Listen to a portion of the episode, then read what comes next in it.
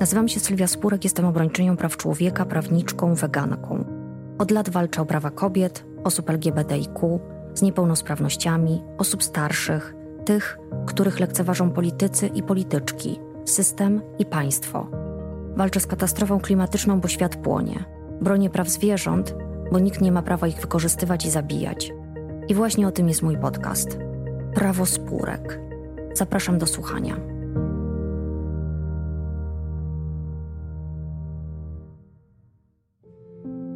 Funkcjonowanie ferm wpływa na życie ludzi na wiele sposobów. Jednym z podstawowych problemów jest zanieczyszczenie środowiska naturalnego, co ma bezpośredni wpływ na codzienne życie lokalnych, choć nie tylko społeczności. Fermy zamieniają w piekło życie tysięcy Europejek i Europejczyków żyjących w ich sąsiedztwie. Z powodu uciążliwości odorowych ludzie nie mogą wyjść na spacer z dzieckiem, otworzyć okna. Ale nie chodzi tylko o smród. Fermy to emisje szkodliwych gazów i pyłów zawieszonych, to wirusy i bakterie, zanieczyszczenie wód, gleby i powietrza oraz stały hałas. Wartość nieruchomości usytuowanych w pobliżu ferm spada, co powoduje, że ludzie, nierzadko starsi, nie mogą się stamtąd przeprowadzić w inne miejsce.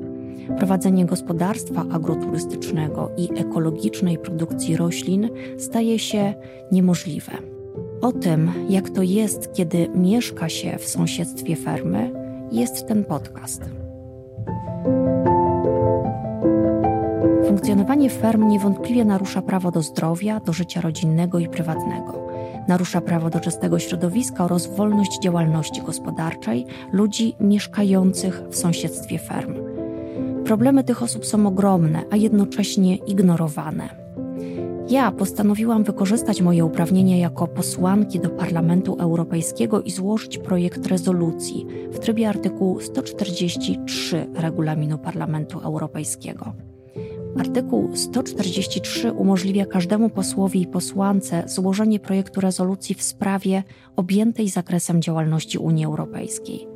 Projekt nie może przy tym przekraczać 200 słów.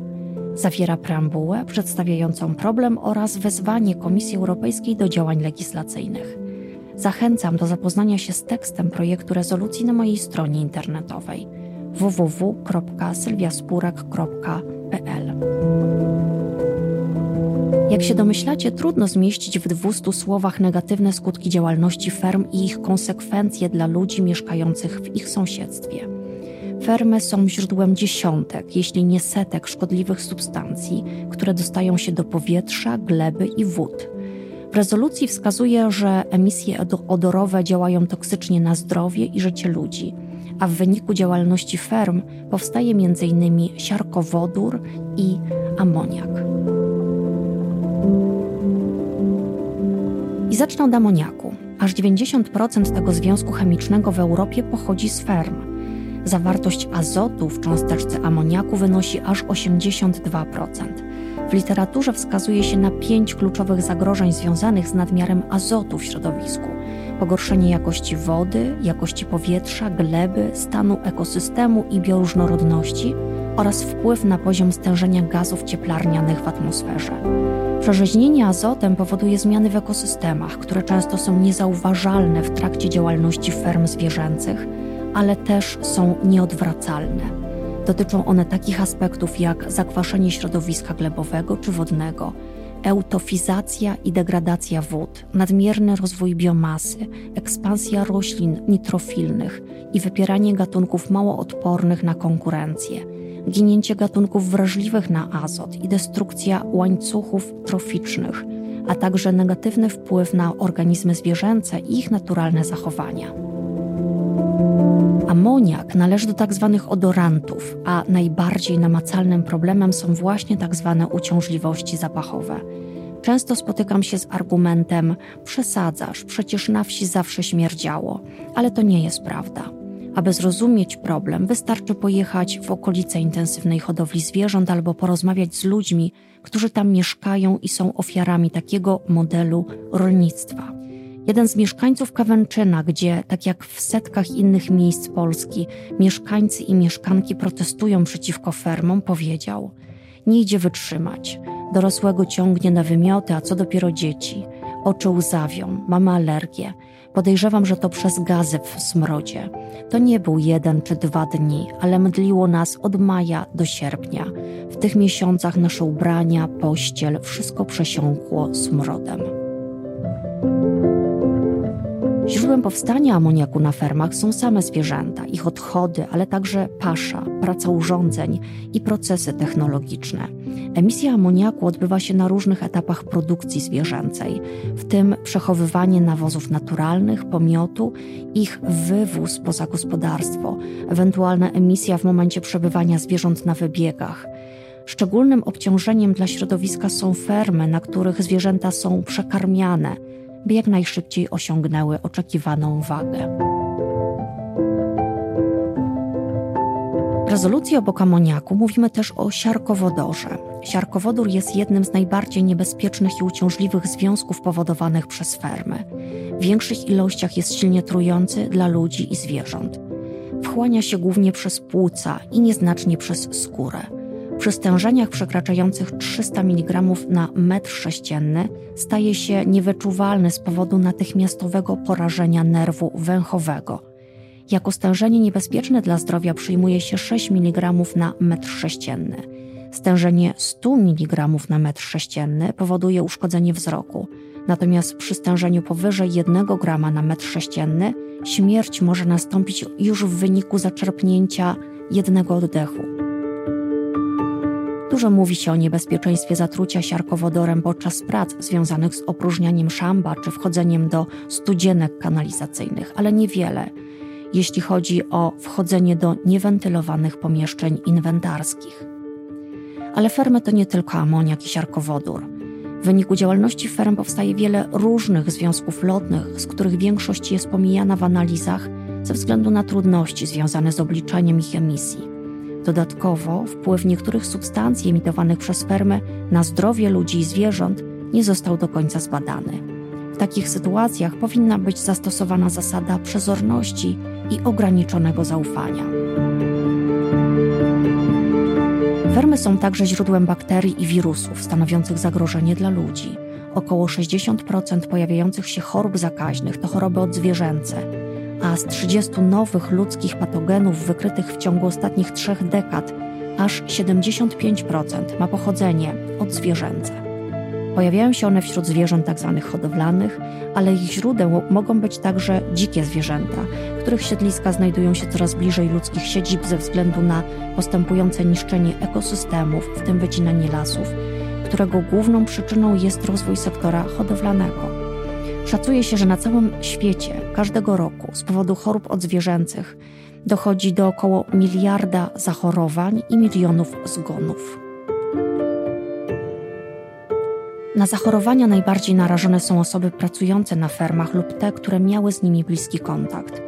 Analizy wykazały istnienie 16 odzwierzęcych czynników chorobotwórczych przenoszonych przez zwierzęta tzw. Tak hodowlane na ludzi.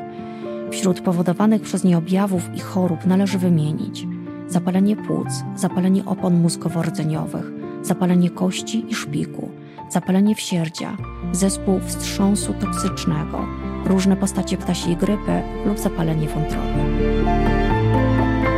Bakterie odzwierzęce rozprzestrzeniają się poza hodowlą na kilka sposobów: przez powietrze, glebę, wodę. Są przenoszone przez ludzi oraz dzikie zwierzęta, a także występują w surowej żywności pochodzenia zwierzęcego dalszym ciągu nie znamy pochodzenia wirusa SARS-CoV-2, który wywołał światową pandemię. Niektórzy naukowcy i naukowczynie podejrzewają jednak, że może on pochodzić od dzikich zwierząt, a konkretnie od nietoperzy z mokrego targu w chińskim mieście Wuhan. Fermy emitują także wysokie stężenia pyłu zawieszonego, w tym pyłu PM2,5. Skutki zdrowotne wdychania powietrza zawierającego duże stężenia pyłu zawieszonego można długo wymieniać choroby serca i płuc, udar, astma, cukrzyca, demencja. Przeprowadzone do tej pory badania ujawniły istotny związek umieralności wynikającej z chorób naczyniowych mózgu z pyłami. Drobne cząsteczki pyłu powstającego przy produkcji wielkoskalowej mogą utrudniać oddychanie. W efekcie stanowią poważne obciążenie dla serca, obniżają odporność immunologiczną oraz stwarzają warunki do pogłębiania się istniejących już zaburzeń chorobowych. Dużo mówi się o smogu w mieście, o kopciuchach, o tym, że to, czym ludzie palą w piecach, nie jest ich prywatną sprawą. A co z pyłami zawieszonymi z ferm? Dlaczego nikt w tej sprawie nic nie robi? Ale pyły zawieszone to nie wszystko. Przemysłowy chów zwierząt emituje wysokie stężenia bioaerozolu, czyli pyłu organicznego, w którego skład wchodzą cząstki pyłu pochodzenia organicznego i nieorganicznego, czyli właśnie pyły zawieszone PM, mikroorganizmy takie jak wspomniane wyżej bakterie i wirusy, żywe komórki, alergeny, cząstki gazów, w tym odory. Mimo licznych badań i analiz wciąż nie ma wyznaczonych na podstawie badań naukowych wartości progowych dla bioaerozoli w sąsiedztwie ferm, czyli stężeń pyłu organicznego lub czynników wchodzących w jego skład, powyżej których należy spodziewać się wystąpienia uszczerbku na zdrowiu. Ma to m.in. związek ze zróżnicowanym składem bioaerozoli emitowanych przez gospodarstwa hodowlane a kontrola emisji gazów do atmosfery w przypadku ferm zwierzęcych w wielu krajach jest problematyczna i nieskuteczna. Obliczenia wielkości składki za odprowadzanie gazów i pyłów do atmosfery dokonywane są samodzielnie przez inwestora lub inwestorkę. W praktyce nie ma możliwości weryfikacji poprawności tych obliczeń, dlatego że podstawowym problemem jest ustalenie liczby zwierząt na fermach. Do takich informacji nie mają dostępu organizacje niezależne, a dane gromadzone w istniejących bazach instytucji państwowych są niedostateczne. Kolejnym dużym problemem jest zanieczyszczenie wód gruntowych oraz studziennych. Sektor hodowlany odpowiada za 73% zanieczyszczeń wód wynikających z rolnictwa. Większość wody używanej na fermach wraca do środowiska w postaci gnojowicy i ścieków. Odchody zwierząt, tzw. Tak hodowlanych, zawierają znaczne ilości azotu, fosforu, potasu, patogenów, metali ciężkich, leków, antybiotyków oraz hormonów.